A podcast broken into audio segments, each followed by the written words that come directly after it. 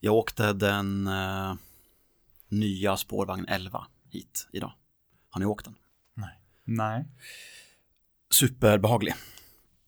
Och så läste jag om eh, de italienska skandalvagnarna. Känner ni till den historien? Nej. Alla andra vagnar som åkt genom Göteborg. Ja, nästan den nyaste förutom den här splitternya. De Ja, precis. italienska. Eh, De som ser lite så här strömlinje. Exakt, formade exakt. ut. De kommer från ett eh, italienskt eh, skandalföretag som heter Ansaldo Breda. Ansaldo Breda har som sin grej att de eh, lägger offerter på alla sådana när det läggs ut på entreprenad eh, och på tågbolag som har löjliga krav, sånt som ingen annan kan uppfylla, så säger de att de kan uppfylla det och sen så funkar det inte ändå. Men Ansaldo Breda försåg också Köpenhamns tunnelbanetrafik med sina tåg. 80 stycken. Det var fel på dem allihopa, så de skickades tillbaka till Italien. Och sen när de skulle komma åter till Danmark så var det bara 79 stycken. Och då är det en eh, danskgrävande journalist som har gjort det till sin livsuppgift och spårade 80 försvunna tunnelbanetåget. Och han hittade det i Tripoli.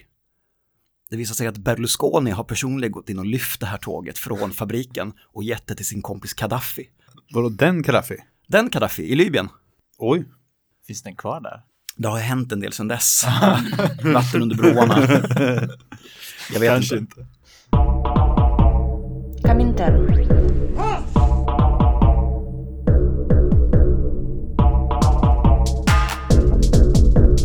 Berätta inte för mig om det svenska klassamhället. Jag har sett det. Jag har växt upp i det.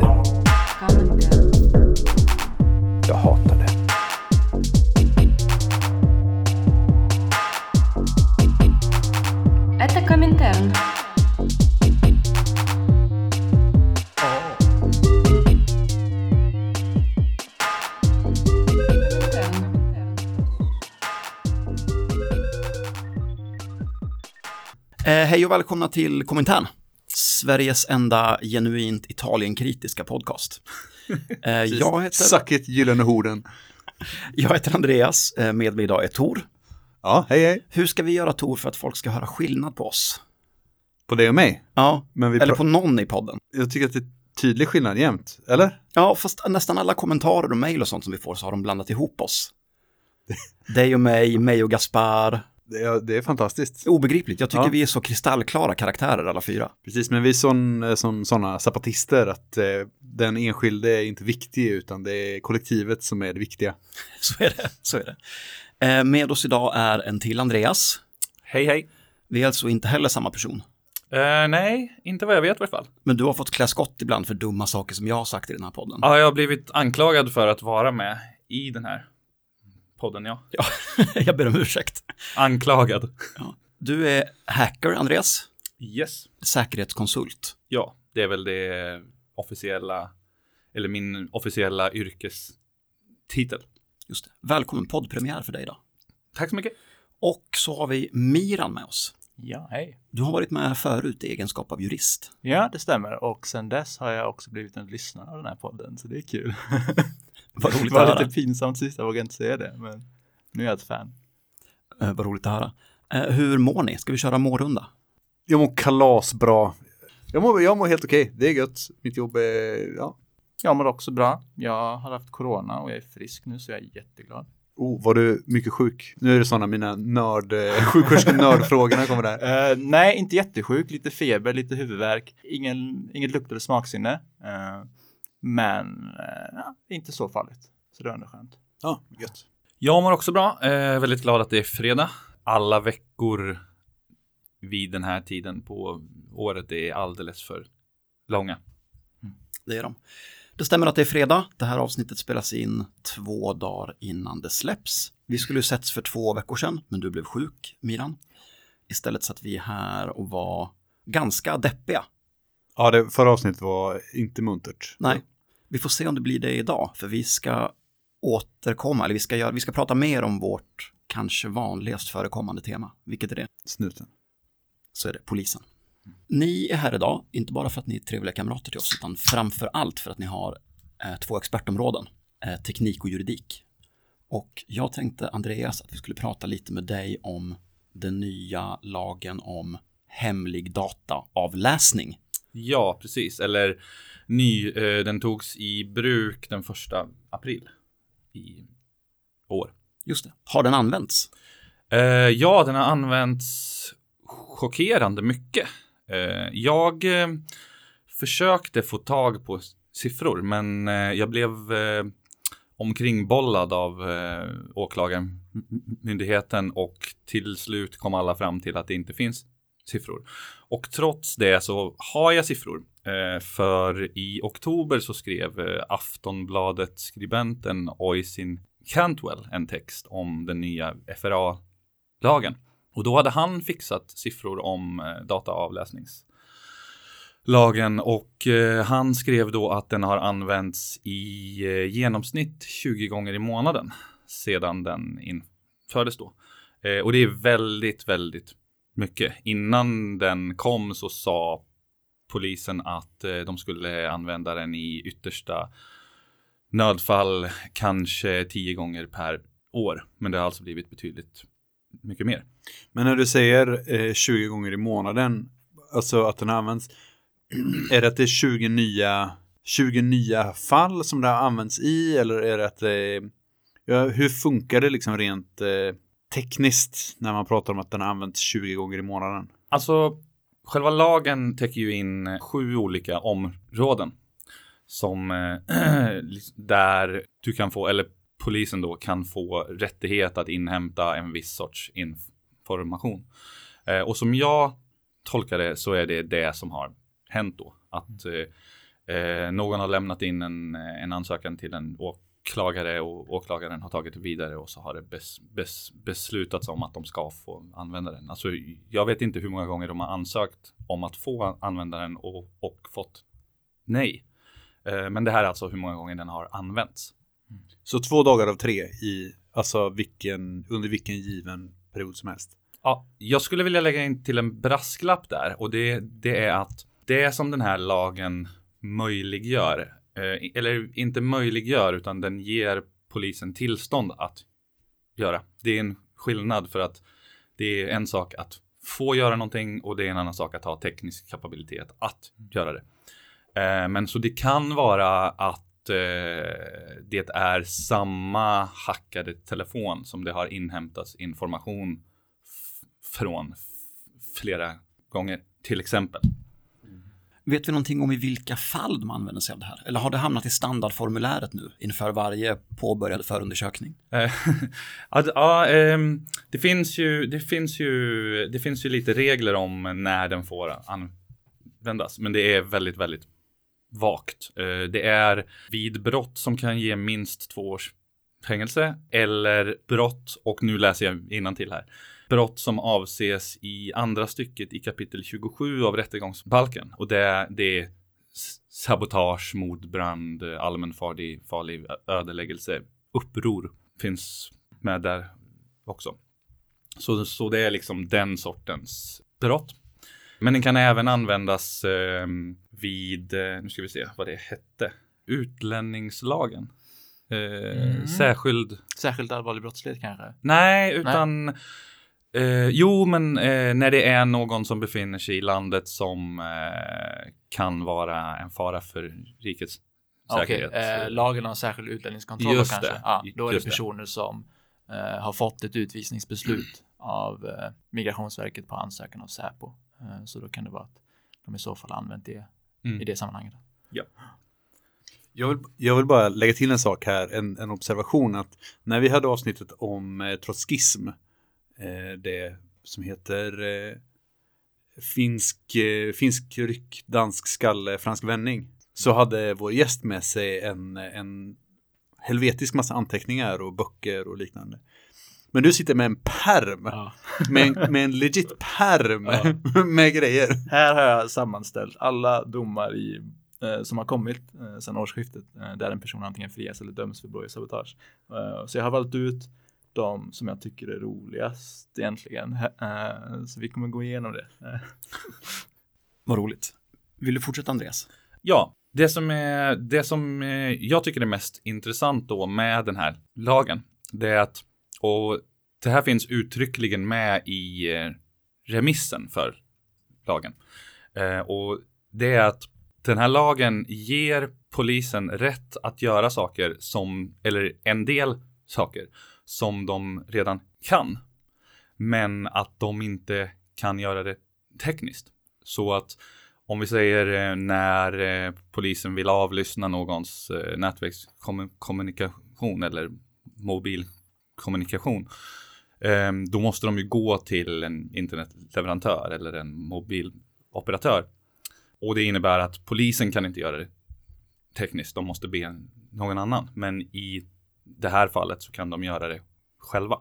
Eh, och det innebär ju att de kapar en mellanhand som de vet ser vad de gör och som skulle kunna liksom agera visselblåsare till exempel. Den mellanhanden existerar inte då. Och det är ändå ganska allvarligt. Och hur går det till? Kan du förklara den, det tekniska för oss på, Ja, på dum, Eh, dumspråk? Ja, eh, alltså så som eh, polisen arbetar idag, eller gjorde innan då, det är ju att de kan gå till en eh, internetleverantör och be dem avlyssna nätverkskommunikation. Eh, det här kommer de ju bara en liten bit på för den mesta nätverkskommunikationen som folk använder för att liksom kommunicera någorlunda personliga privata saker är krypterad.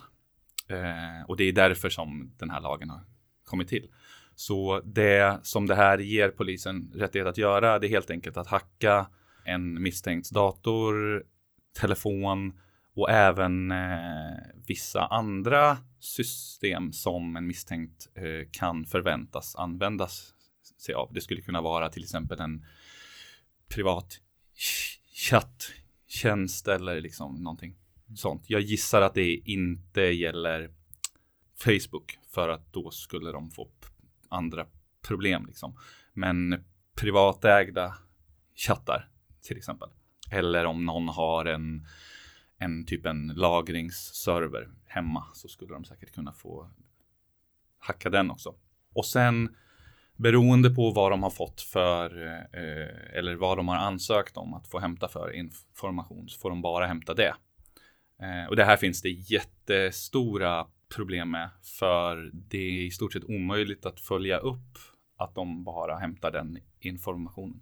För att om du till exempel ska om du till exempel ska använda som en av de här områdena då är eh, kameraövervakningsuppgifter. Och det betyder i praktiken då att om de har hackat din dator så kan de sätta på din webbkamera och så kan de kolla vad som händer. Men för att de ska kunna sätta på din webbkamera så måste de i praktiken ha tagit över hela datorn. För det som händer när man hackar någon Eh, är ju, eller alltså det som är målet i det här fallet är att installera ett verktyg som kan fjärrstyras. Och sen så säger man till det verktyget så här, starta kameran. Men verktyget kan ju göra i stort sett vad som helst. Den kan ju göra alla de sakerna. Den kan ju täcka alla de områdena. Och även om de kanske inte kan använda, om vi säger att de även skulle spela in ljud som de kanske inte har fått tillstånd till, så kan de ju göra det. Rent tekniskt så kan de det. Eh, Men de kanske inte kan använda det i eh, bevissyfte. Hur svårt är det här att göra liksom rent, eh, rent tekniskt? Det är jättesvårt. Och jag tror att det är där som är den stora förklaringen till att det har använts så mycket. För att för att man ska kunna göra det här så krävs det en mängd olika expertiser. Du behöver dels så behöver du någon som letar sårbarheter i i stort sett alla telefoner som misstänkta kan tänkas ha. Alla operativsystem de, de kan tänkas använda. Det är inte lätt.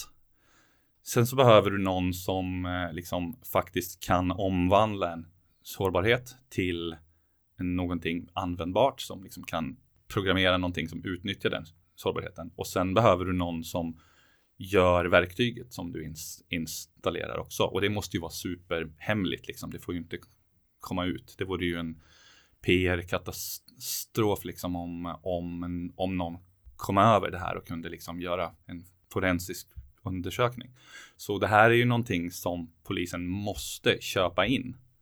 Och då hamnar du i extremt eh, etiskt tveksamma vatten. För de enda som säljer den, den här sortens verktyg är AS som gör affärer med i stort sett vem som helst. Det har visat sig historiskt många gånger.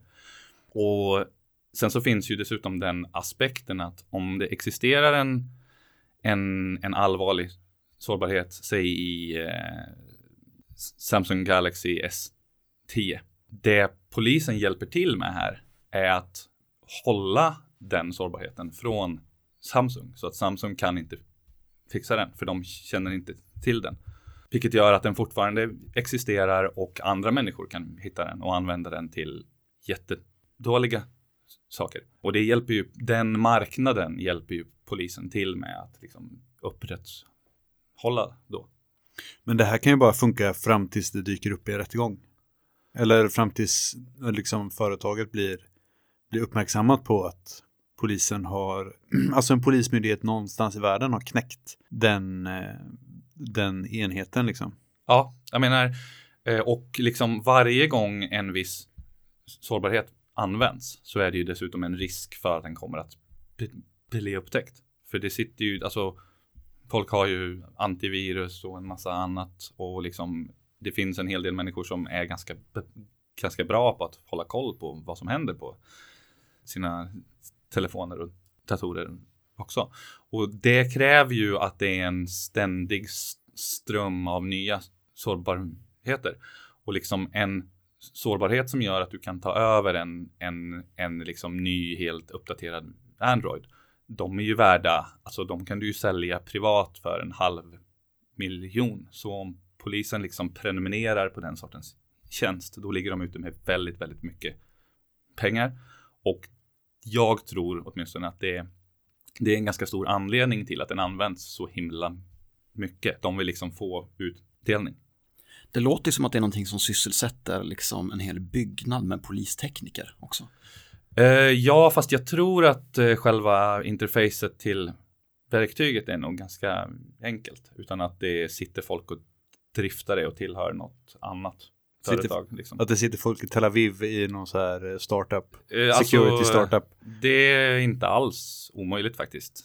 Nej, det finns hur många som helst. Ja, Alltså hur många som helst. Det har stått en del i pressen på sistone om eh, ett stora tillslag i Europa och i Sverige som hänger ihop med att polisen har knäckt eh, de kriminellas krypterade telefoner. Hänger det ihop med det här på något sätt? det kan det absolut göra. Vet ni vad jag pratar om? Telefoner som säljs specifikt för att de är Ja. supersäkra. Det som är problemet där är att eh, den sortens lösningar ofta hypas upp och kanske inte är så himla säkra som de, som de sägs vara, utan det är snarare så att eh, de kanske är byggda för att uppfylla vissa use case, liksom att stenhård kryptering. Men sen så kanske man missar andra mer ele- elementära saker, vilket gör att om du lyckas hacka den eh, medan den är online och igång och så, då är ju telefonen inte, inte krypterad ändå. Nej, just det. Om jag laddar ner en app som har en osäkerhet så kan de ändå potentiellt ta sig in i min telefon. Ja, precis. De kan ju, de, då kan de ju få det första, eh, det allra första fotfästet. Men eh, en app på en telefon har ganska lite rättigheter den är liksom på en telefon, utan då måste du ha en sårbarhet eh, lägre ner i, i systemet som du utnyttjar från appen. Men det är betydligt lättare att göra från en app på telefonen än att göra över internet. Det är så jävla, det är så jävla coolt. En grej som, eh, som, som jag tycker är intressant och som är värd att tänka på eh, och som jag tror eh, jag pratade lite med Miran här innan eh, om för, för liksom jag, alltså det här är egentligen den första lagen jag har läst igenom helt, helt och hållet. Och det var något av det jobbigaste jag har gjort. Alltså det var så himla jobbigt. Varför sätter ni ihop ord på det här viset? Det är inte så det är meningen att man ska göra. Och jag har ju en teori, liksom särskilt när det gäller den här sortens lagar som liksom de som ska godkänna den, de förstår inte riktigt vad det är de godkänner. Det låter bra och man kan ställa en massa krav och det finns ett krav här i under eh, rubriken teknikanpassning som är en jättekonstig eh, rub rubrik liksom eh, om man om man fattar vad, vad det handlar om. Eh, där det står den teknik som används i samband med hemlig dataavläsning ska anpassas efter det tillstånd som beviljats. Men som jag har berättat så är det ju så här att oavsett vilket av de olika områdena som, som du ska hämta in, inf information från så kräver det i stort sett att du har full kontroll, alltså fullständiga rättigheter över den enhet du ska hämta in saker från. Vilket innebär att tekniken kommer alltid ha tillgång till allt. Och, och då faller ju hela den här meningen. Men det är det ingen som vet.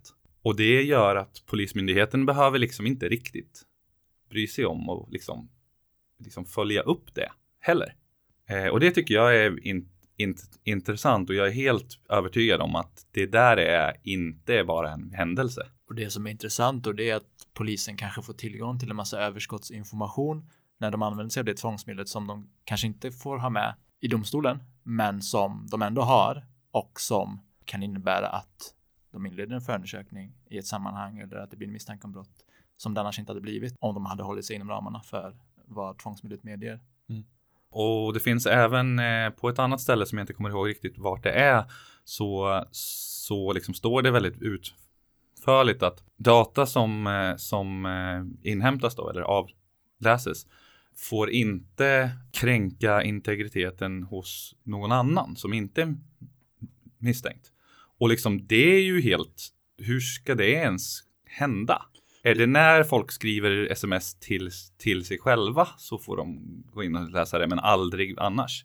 Det är helt omöjligt. Men det är också om, eh, om du avlyssnar telefoner, alltså om du avlyssnar allt ljud eller tittar på kameran ur en telefon eller en dator så får du också automatiskt med alla som pratar runt omkring. Ja, Om man till exempel sitter på en, i, en, eh, i ett café eller på någon annan liksom allmän plats.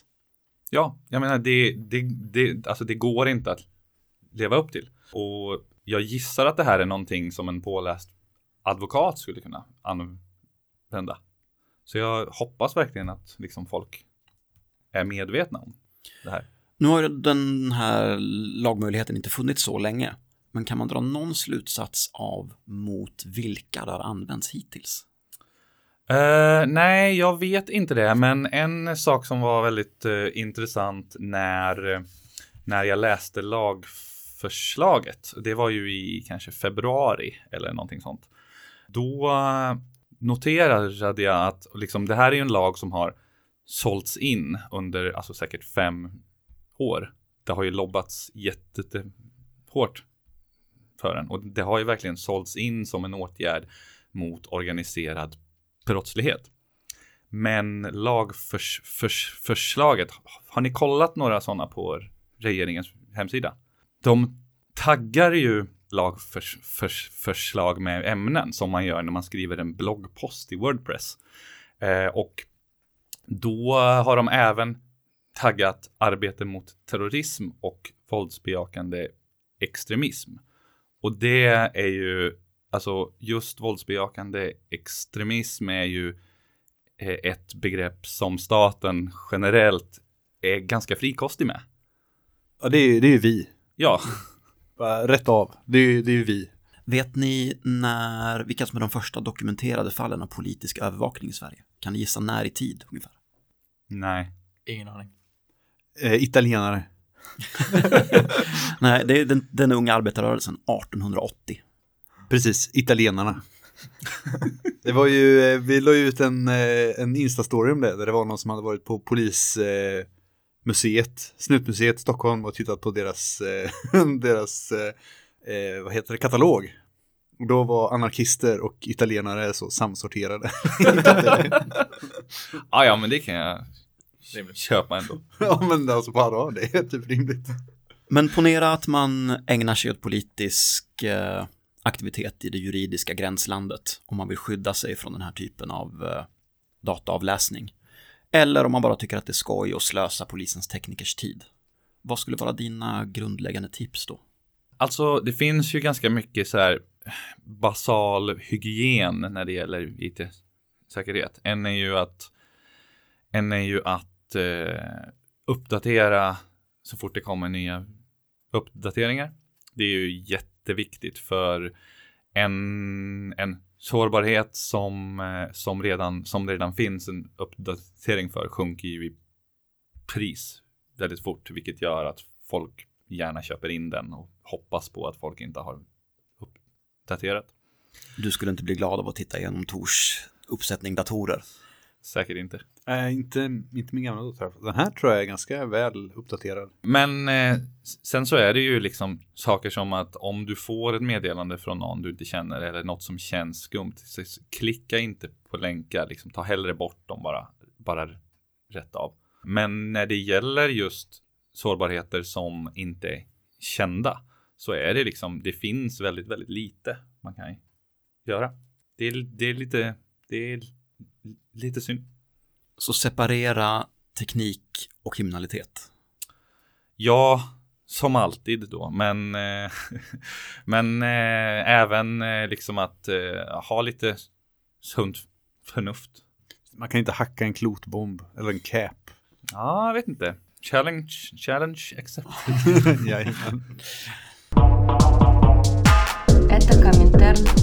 Ska vi hoppa till nästa lag?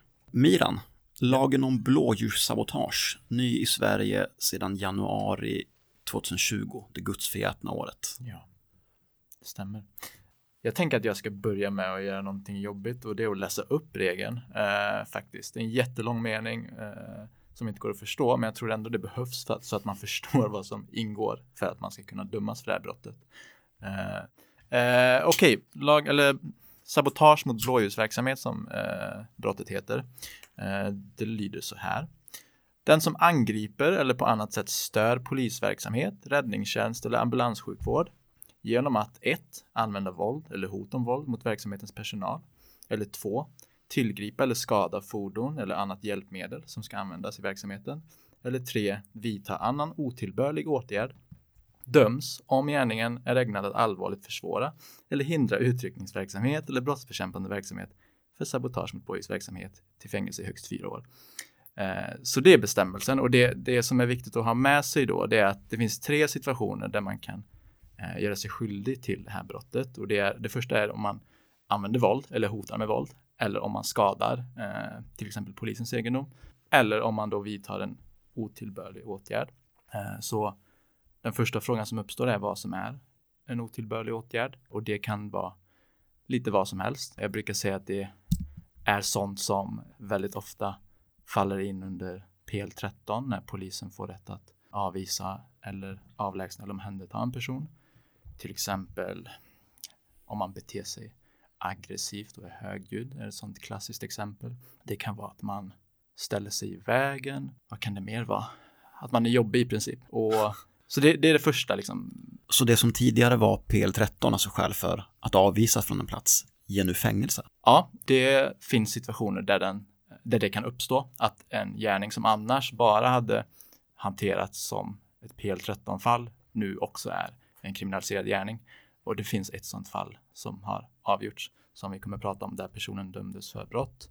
Så det är det första problemområdet. Sen ska man ju också ha i åtanke att regeln är, alltså i regeln så finns det någonting som kallas för ett abstrakt farerekvisit, det vill säga gärningen som du begår ska vara ägnad att allvarligt försvåra eller hindra verksamheten. Det måste inte faktiskt ha lett till någon försvåring, alltså. utan om gärningen typiskt sett är en gärning som är ägnad att försvåra, allvarligt försvåra, då kan man dömas eh, för det brottet. Så till exempel att kasta en sten men missa. Precis. Den situationen skulle kunna vara sabotage mot blåljusverksamhet för att gärningen är ägnad, själva stenkastandet är ägnat att allvarligt försvåra.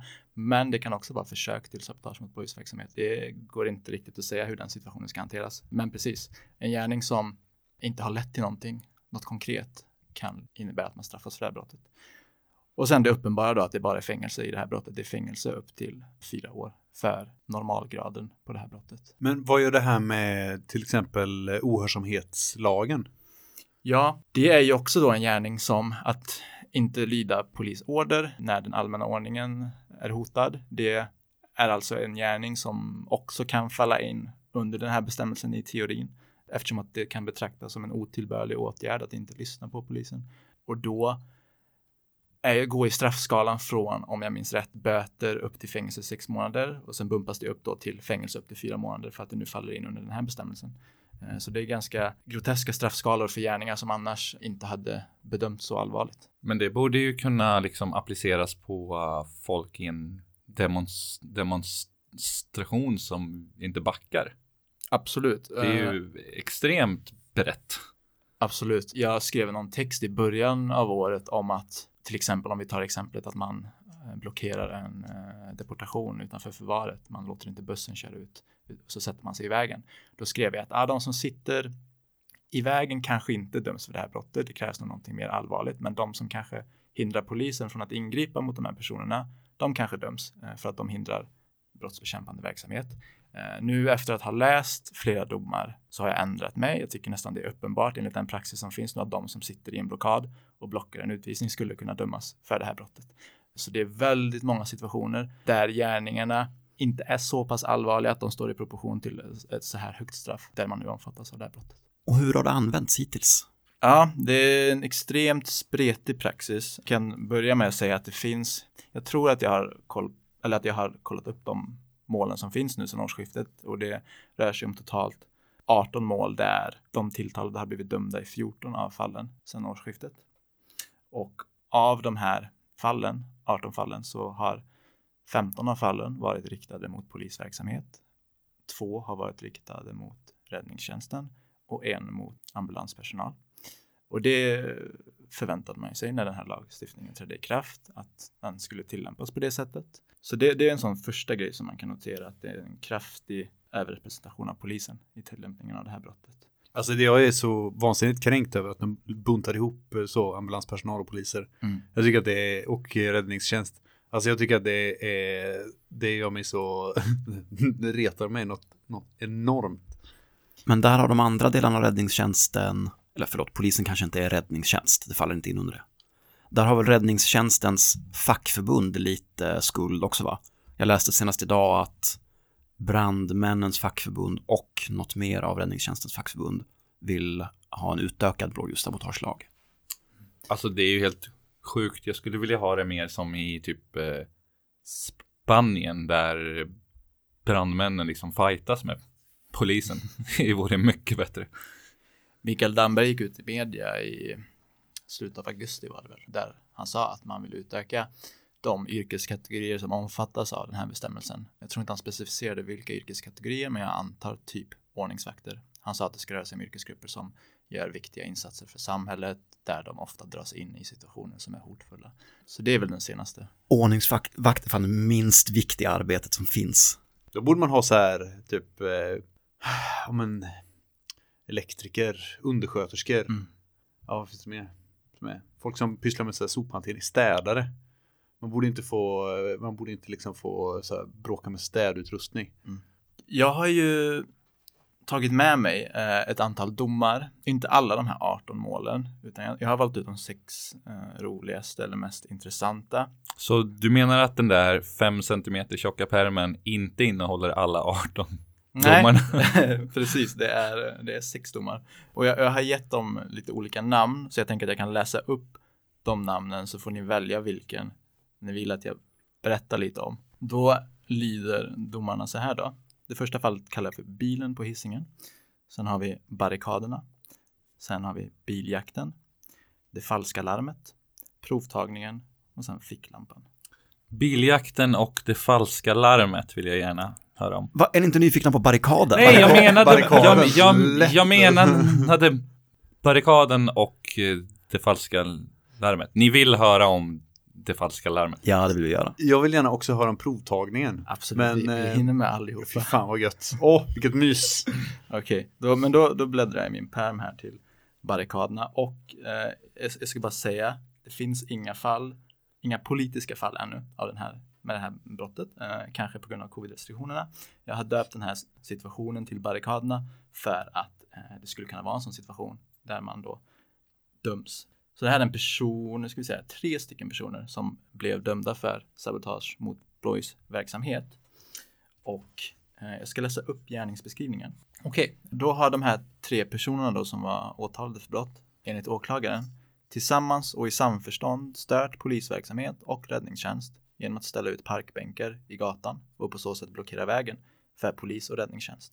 Åtgärden har varit otillbörlig. Ja, så, så det är i princip gärningen och de dömdes då för, för det här brottet eftersom att domstolen ansåg att den här gärningen, den är otillbörlig. Det är inte okej att ställa ut parkbänkar på vägen och gärningen har varit ägnad att allvarligt försvåra och hindra räddningstjänst blev det då till slut. Och, och om man då applicerar det här till en demonstrationssituation eller en upploppssituation eller vad som helst så innebär ju det att om man eh, ställer upp liksom, inte, bildäck eller vad som helst, parkbänkar eh, på vägen och på så sätt hindrar polisen från att ta sig till ett område eller ett annat, skulle det mycket väl kunna bli sabotage mot blåljusverksamhet. Och då alldeles oavsett om det rör sig om en utryckningssituation eller inte. Det kan bara vara allmän brottsbekämpande verksamhet eh, för att omfattas av det här brottet. Jag har inte för vana att söka upp och ställa mig i vägen för polisen. Däremot blir jag ganska om, ofta ombedd att flytta på mig och jag brukar av princip vägra. Det skulle jag nog alltså kunna hamna i fängelse för. Kanske, det beror på vilken domstol du hamnar i. Jag var där först, kommer det funka som försvar i mitt fall? Ja, kanske. Eh, jag hade testat i alla fall. I eh, remissen till den här bestämmelsen så tar eh, lagrådet, eller lagrådet diskuterar just det här rekvisitet otillbörlig åtgärd och vad som ska krävas för att du ska dömas för det här brottet om du genomför en otillbörlig åtgärd. Och då tar de upp den här diskussionen med ja, men proportionalitet. Det här är ett väldigt allvarligt brott, en hög straffskala. Om du ska dömas för det här brottet för att du gjort en otillbörlig åtgärd, då krävs det någonting väldigt allvarligt. Och de tar upp exempel som vad heter det, flygplanssabotage och allvarliga liksom brott. Och eh, om du hamnar då, vissa, vissa domstolar eh, skulle kunna bedöma att det faktum att du ställer dig, eller att du inte flyttar på dig, inte är en gärning eh, som är ägnad att allvarligt försvåra eller hindra verksamhet. Men det kan också bero på sammanhanget, var polis, varför polisen vill att du flyttar på dig. För att om det är för att de ska genomföra en myndighetsåtgärd, då skulle det kunna anses att ah, men då har du hindrat dem i deras polisverksamhet och det har lett till konsekvenser, liksom någon kanske har kommit iväg eller vad som helst. Så det beror lite på sammanhanget, det beror på vilken domstol du hamnar i. Möjligt. För annars tänker jag att civil olydnad är en sån grej som det ändå finns en viss förståelse för. Och den typen av icke-våldslig protest där man sitter eller står still brukar ju även de mest hårdföra högerradikalerna inom etablissemanget tycka är den bästa formen av protest. Mm. Precis. Och det är mycket väl så att en domstol skulle kunna bedöma en sån situation och konstatera att amen, det här är ändå en protest, vi har yttrandefrihet, demonstrationsfrihet, viktiga rättigheter. Då kanske det krävs lite extra för att du ska dömas för det här brottet. Men, men som sagt, det har inte dykt upp något fall i domstolen där det har varit ett politiskt fall, så vi vet inte hur det skulle kunna påverka bedömningen. Eh, Men i alla fall utifrån den praxisen som finns så finns det ju fall där väldigt icke-allvarliga gärningar har lett till att man har dömts. Så det går liksom inte att utesluta. Alltså. En grej som jag tänker på är att eh, om, om vi säger att eh, om vi säger att några Extinction Rebellion aktivister eller någonting som liksom sitter på en, på en gata. Om vi säger att de skulle bli dömda för det här idag. Det skulle ju inte fungera för att samhället skulle ju inte acceptera det. Men om vi tänker oss några år framåt i tiden när vi har ett lite mer auktoritärt styre. Då skulle ju det här kunna användas otroligt brett för att sätta dit, alltså både den här lagen och den lagen vi pratade om innan. Mm. Skulle ju kunna användas som en sorts så här sätta dit Al Capone-lag. Liksom. Ja, men det går alltid att gräva upp någonting Mm. på någon vi inte gillar. Mm. Och det är ju ganska otäckt. Ja, och jag, och jag har varit med om fall där enskilda poliser har hotat med att anmäla en person för det här brottet om, och då i det konkreta fallet så var det en lärare som på en skola som inte ville berätta vart en papperslös elev befann sig eller om den studerade där. Hjälte. ja, skyddar demokratin och så vidare. Hur gick det? Är det här ett av dem, eller de, den blev aldrig? Nej, det här ledde inte till, eh, jag vet inte om en förundersökning inleddes eller inte, men det ledde inte till åtal i alla fall. Men eh, det visar ju på hur eh, bestämmelsen används av eh, polisen i eh, konkreta situationer. För polisen ljuger ju liksom kategoriskt. Det är ju, det är ju ett av deras, så, deras bästa knep. Så att det är ju viktigt att ha koll på sådana här, på såna här eh, lagar för att eh, kunna syna liksom, polisens lögner. Och att fängelse nu plötsligt finns på straffskalan för incidenter som kanske inte hade gett fängelse tidigare. Det innebär ju också att de har andra möjligheter gentemot personen på plats, eller hur? Och även i liksom eh, förundersökningsarbete, eller? Är jag ute och cyklar? Nej, för alltså, straffskalan påverkar ju bland annat vilka tvångsmedel polisen får använda under förundersökningen till exempel. Det påverkar huruvida du häktas eller inte och sådana saker. Sen har jag inte koll på de exakta gränserna vart det går. Eh, men absolut någonting som påverkar i förundersökningsstadiet och som ger polisen fler befogenheter att vidta till exempel tvångsåtgärder. Så till exempel om, eh, om eh, straffet för eh, skulle vara minst två års fängelse eller upp till två års fängelse för dataavläsning så blir det helt plötsligt väldigt, väldigt brett för oss. Ja. Precis. Det finns vissa tvångsmedel som får användas när fängelse på ett visst antal år ingår i straffskalan och sen finns det tvångsmedel där det ska vara minst till exempel två års fängelse. Så vad gäller de tvångsmedel där det räcker med att det finns fängelse två år i straffskalan till exempel, då kan man ju luta sig mot den bestämmelsen. Ska jag gå vidare eller? Jajamän. All right. Då har vi kört barrikaderna. Ni lät sugna på, var det provtagningen eller det Jag vill- falska larmet? Jag vill höra om provtagningen. Okej. Och jag vill höra om det falska larmet. Okej, men då, då börjar vi med provtagningen. Det här var en person som friades, som tur var. Och jag ska läsa upp gärningsbeskrivningen. Okej, eh, den här personen då hade enligt åklagaren stört polisverksamhet genom att vid provtagning på sjukhus med anledning av annan brottsmisstanke uppge att han har corona, trots att det inte varit konstaterat att han var smittad eller att han hade fog för påståendet. Så han var alltså på sjukhus, skulle provtas, polisen var där för att han var frihetsberövad med anledning av en annan brottsmisstanke. Han jävlades och sa att han har corona fast han inte hade det. Och det gick hela vägen till rättegång då, domstolen. Men han friades. Men det är sånt det, det, jag tycker det är så sjukt eh, att det här ens går upp till eh, domstol. Att en åklagare som har utbildat sig i juridik tror att det här, eller regeln är ju vag så personen ville väl testa men För vad då? Han har bara gjort polisens arbetsdag lite krångligare. En Ja. omväg förbi eh, en vårdcentral. Ja, och, och samtidigt regeln säger att det räcker med att det stör polisverksamheten. Så åklagaren kanske ville testa gränserna för, för den här bestämmelsen. Jag tror inte att åklagaren kommer att överklaga i den delen vad gäller sabotage mot blåljusverksamhet, men vi får se. Så det var provtagningen, att ljuga att man har corona kan göra att det hamnar i domstol. Den var ganska kort. Då tar vi ficklampan bara för att variera lite, för det här är en person som för sabotage mot blåljusverksamhet.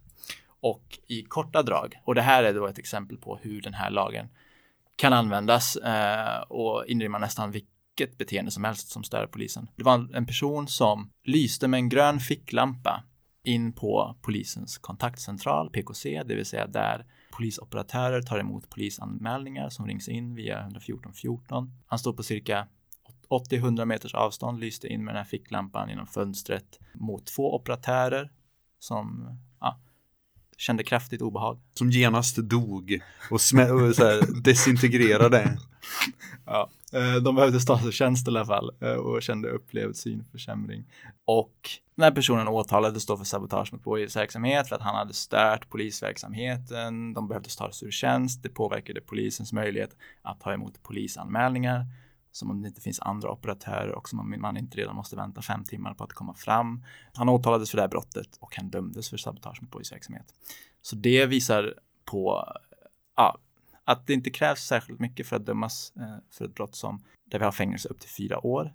Och det som också är intressant i den här domen är att tingsrätten berör inte frågan huruvida gärningen är ägnad att allvarligt försvåra polisens verksamhet. De bara konstaterar att den är ägnad att försvåra, men inte det här. De tar inte ställning till allvarlighetsrekvisitet. Eh, Så jag hoppas att det överklagas till hovrätt och att det frias på den punkten, för det borde det rimligen göra, men vi får se. Men jag undrar en sak. Om jag, om, i en sån provtagningssituation, om jag i mitt yrke blir ombedd av polis att, eh, att provta en patient. eller en person eh, som är misstänkt för ditt eller datt och väljer att istället gå typ och eh, alltså byta blöja på en annan patient eller typ ehm, Dra topsen i röven på dig själv. till, till exempel, eller bara del, göra en annan del av mitt, eh, av mitt yrke. Mm. Alltså så här, något annat som också behövs göras. Det finns alltid tusen miljoner saker att göra. Skulle jag kunna dömas för det här brottet då? Alltså rent objektivt så är gärningen att du undviker att göra det skulle kunna falla in under det här. Så frågan är egentligen bara om det finns uppsåt att du medvetet gör det på det sättet och om polisen kan visa det då. Eh, men rent objektivt så faller det in, Så med andra ord, om de lyssnar på den här podden så, så är Tor körd. kanske. Jajamän. Okej, men då tar jag det sista fallet då, eller det sista som vi tar upp idag, eh, och det är det falska larmet. Det här är en person som är misstänkt för brott. Polisen står utanför dörren till hans lägenhet och knackar. Eh, De ska genomföra en husrannsakan, vill att han öppnar dörren. Han vägrar. Han ringer 112 och säger att det pågår ett rån på det lokala ICA. Så en av poliserna behöver snabbt åka iväg för att kolla vad som händer på ICA. Och resten av polisen är kvar, eh, genomför husrannsakan. Han blir gripen. På något sätt framkommer det att han ringde. Eh, jag tror det var en liten eh, by som det var i. Och han blir då åtalad för sabotage mot blåljusverksamhet för att han falskeligen påstod att det pågår ett rån. Uh, han dömdes. Han dömdes inte för brottet, men uh, ja, som sagt, sjukt att det gick till åtal. Någon, någonting annat som jag lärde mig när jag läste den här domen är att det finns ett brott som heter falskt alarm. Så han dömdes för det istället. Men inte sabotage mot blåljusverksamhet. Alltså jag skulle så hemskt gärna vilja veta om det här var någonting som han hade så här, tänkt ut innan. Om han hade en, en så här lista på åtgärder om polisen kommer. Eller om det här var någonting som han bara improviserade. För i så fall så är det ändå ganska Det är, imponerande. det är ju jävligt bra tänkt på fötterna alltså. Då, det får man ändå igenom. Ja. Det hade varit roligt också om han, om han hade, om han hade fortsätta ringa in andra rån i andra lokala mataffärer. Så att så här, en efter en måste bara alla de här poliserna dra. Det hade varit grovt sabotage mot blåljusverksamhet. Extremt. Men fungerade det? Kom han undan för stunden? Nej, jag gjorde inte det. Han var ju låst i lägenheten och det var ju några poliser som stannade kvar. Så det var inte någonting som var ägnat att allvarligt försvåra polisens verksamhet. Men ändå A for effort. Ja, Men det finns inget sånt bara ämnat att fucka lite grann med polisen. In, inte enligt lagen, men så som det tillämpas kanske. Nu har du läst, eh, du har läst de domarna som har fallit i, sedan lagen instiftades i Sverige. Precis. Kan du dra några slutsatser? Du var ju kritisk redan innan. Har dina farhågor uppfyllts? Ja, till viss del. Den här lagen motiverades ju bland annat med att pågår en epidemi i Sverige där eh, ungdomar i förorten kastar sten mot polis och eh, räddningstjänst och ambulanspersonal. Det var det man påstod och det som man rättfärdigar den här bestämmelsen med. Och av de 18 fallen som har kommit då så är det bara ett fall där det rör sig om en stenkastning där han inte ens träffade bilen. Så det hade man ju, det, det, det misstänkte man ju när den här lagen kom att nu rättfärdigar man med det här men den kommer användas i många andra situationer. Så, så det har ju hänt. Mer? Men det är jättemycket, jag tycker att det är jättemycket så grejer som tas upp nu som bara är där man, alltså i media där man målar upp de kriminella som liksom eh, fan på väggen liksom. Mm. För att kunna förbjuda, alltså, och framförallt jävla liberaler, det enda liberaler kan det är att förbjuda olika saker. Vilket är intressant med tanke på att det är inte riktigt den eh, ide ideologin som de eh, påstår sig ha. Nej, precis. Jävla batongliberaler. Och att de, alltså så här, hela tiden så bara gäng, gängkriminella, gängkriminella, gängkriminella. Att det är liksom, det är typ det enda de kan, det enda de kan kräka ur sig. Mm. Och det är ju bara någonting som de säger för att kunna införa de här lagarna och sen när lagarna väl är på plats då använder man det liksom i alla möjliga situationer och skapar liksom ett repressivt samhälle. För det är det vi ser och det är samma med lagen om eh, dataavläsning. Man påstår att den bara ska användas i ja, men 10 fall per år men så plötsligt så blir det oj 22 i månaden och det, det är ingen slump såklart. Just det. Ja, en sak som jag misstänkte också skulle ske, det var att man skulle använda den här bestämmelsen i situationen då till exempel där det bara hade varit aktuellt med PL13-ingripande. Och det har vi sett att det har blivit så. En person dömdes i hovrätten för att han rörde sig aggressivt och högljutt mot polisen när polisen skulle kontrollera bilen som han åkte i. Eh, han dömdes då för sabotage mot polisverksamhet Och vi ser också att gärningar som verkligen, verkligen, som jag, inte aldrig, som jag aldrig hade kunnat föreställa mig skulle liksom förekomma i den här situationen också leder till åtal och ibland fällande domar. Så ja, det är en sån sak som, som jag sett. En annan observation är att det är väldigt många unga personer, omyndiga personer som blir dömda för det här brottet. Till exempel en ung kille på 16 år som absolut inte visade hänsyn genom att parkera sin epa traktor på ett sätt på en bensinmack som gjorde att ambulansen inte kunde köra ut. Sen var det inte en utryckningssituation, det hade inte uppstått någon situation, men de skulle ändå åka iväg från bensinmacken och det fördröjdes med ungefär en minut och han dömdes för sabotage mot blåljusverksamhet. Och det känns inte riktigt proportionerligt. Så den används mot väldigt många unga personer framför allt och det är ju såklart inte bra. Han borde ju dömts för epatraktor. eh, generellt. Och sen så... Inte till. Eller kanske Var det här i Falköping Miriam? Ja, jag har inget emot epatraktorer, jag gillar ju Så. det. är, du, är du uppvuxen på landet? typ. Ja, Okej, för det är jag och epatraktor är så, eh, ger mig kalla, kalla, kalla kårar. Men jag tycker också att det är intressant att det nu verkar vara lagstadgat att eh, polisen inte tål någonting. Att sådär, ingen kritik, ingen, ingen som liksom eh, bara jävlas med dem lite grann för att de håller på, eh, håller på att jävlas med en. Så eh, polisens hud nu tunnare än någonsin. Läste ni om det här haveriet med polisstudenterna i Malmö? Ja. Ja. Kort eh, recap. Polisstudenterna i Malmö fick sina personuppgifter ut, utlämnade, vad säger man? Eh, ja. Utlämnade, någon begärde ut uppgifterna om vilka som studerade polisprogrammet i Malmö. Och Sydsvenskan pumpade ut att yrkeskriminella kartlägger polisstudenter i Malmö och att de sen utsätts för hot och trakasserier. Någon hade fått kiss i sin brevlåda, någon hade fått klotter på sin fasad, någon hade fått ett brev där det stod att det inte behövs fler poliser i Malmö. Och sen visade det sig ganska kort efteråt att det var en Expressen-journalist som hade begärt ut de här uppgifterna för ett eh, reportage om en helt annan sak. Och de här polisernas upplevda hotfulla klotter och kiss i brevlådan hade sannolikt ingenting att göra med att de var polisstudenter, utan de lider bara allihopa av en paranoid personlighetsstörning och väldigt, väldigt tunn hud. Men det är intressant tycker jag i tiden, nu har vi pratat lite till exempel med dig Andreas om sådana integritetskränkande polislagar. Alltså polisens krav på total anonymitet gentemot vår rätt till anonymitet. Ja, det är, det är, alltså så här, det är chockande. Däremot så läste jag, eller såg en rubrik, jag läste inte artikeln, men jag såg en rubrik nyligen om att någon hade så vänt på så face recognition eh, mjukvara för att kunna kartlägga poliser eller identifiera poliser som täcker sina brickor. Just det. Mm. Det var, jag tror det var i Frankrike säkert. Och dessutom open sourcat det också så att eh, vem som helst kan implementera det. Det är så jävla gött. Det är sådana saker som får mig att tro, tro på tekniken. De vill ha skyddade personuppgifter, hemliga adresser. De vill inte att man ska få veta vem som studerar till polis. Och helst vill de inte ha brickor överhuvudtaget, eller hur? Eh, Och bazooka. Ja men precis, det, finns, det fanns väl en motion på polisfackets, vad Mm. var det de hade för någonting? Precis. Polisförbundet hade sin årliga kongress och eh, då hade de fått in en motion om att, ska vi se här, kongressen ska ge förbundsstyrelsen i uppdrag att verka för att poliser ska kunna välja att inte behöva lämna ut andra uppgifter än tjänstenummer utanför myndigheten. Det vill säga man ska kunna gå igenom en hel rättsprocess med enbart tjänstenummer eller motsvarande. Och den här motionen skickades in av Stockholm, Kamraterna, Insatsstyrkan och bifall, bifalldes. Eh, Det sista där är alltså namnet på deras fackklubb. Precis. Ja, eh, jag vet inte exakt vad de menar med att man ska kunna gå igenom en hel rättsprocess med enbart tjänstenummer eller motsvarande. Jag antar att det betyder att polisens namn inte ska förekomma i förundersökningsprotokollet kanske. Ja, eller när du vittnar på plats, eller hur? Precis.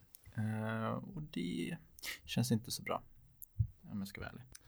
Eh, nej, det känns lite konstigt när någon som ändå är en, en liksom makthavare by proxy i samhället ska kunna vara anonym. Det Mm. känns ju jättekonstigt. Mm.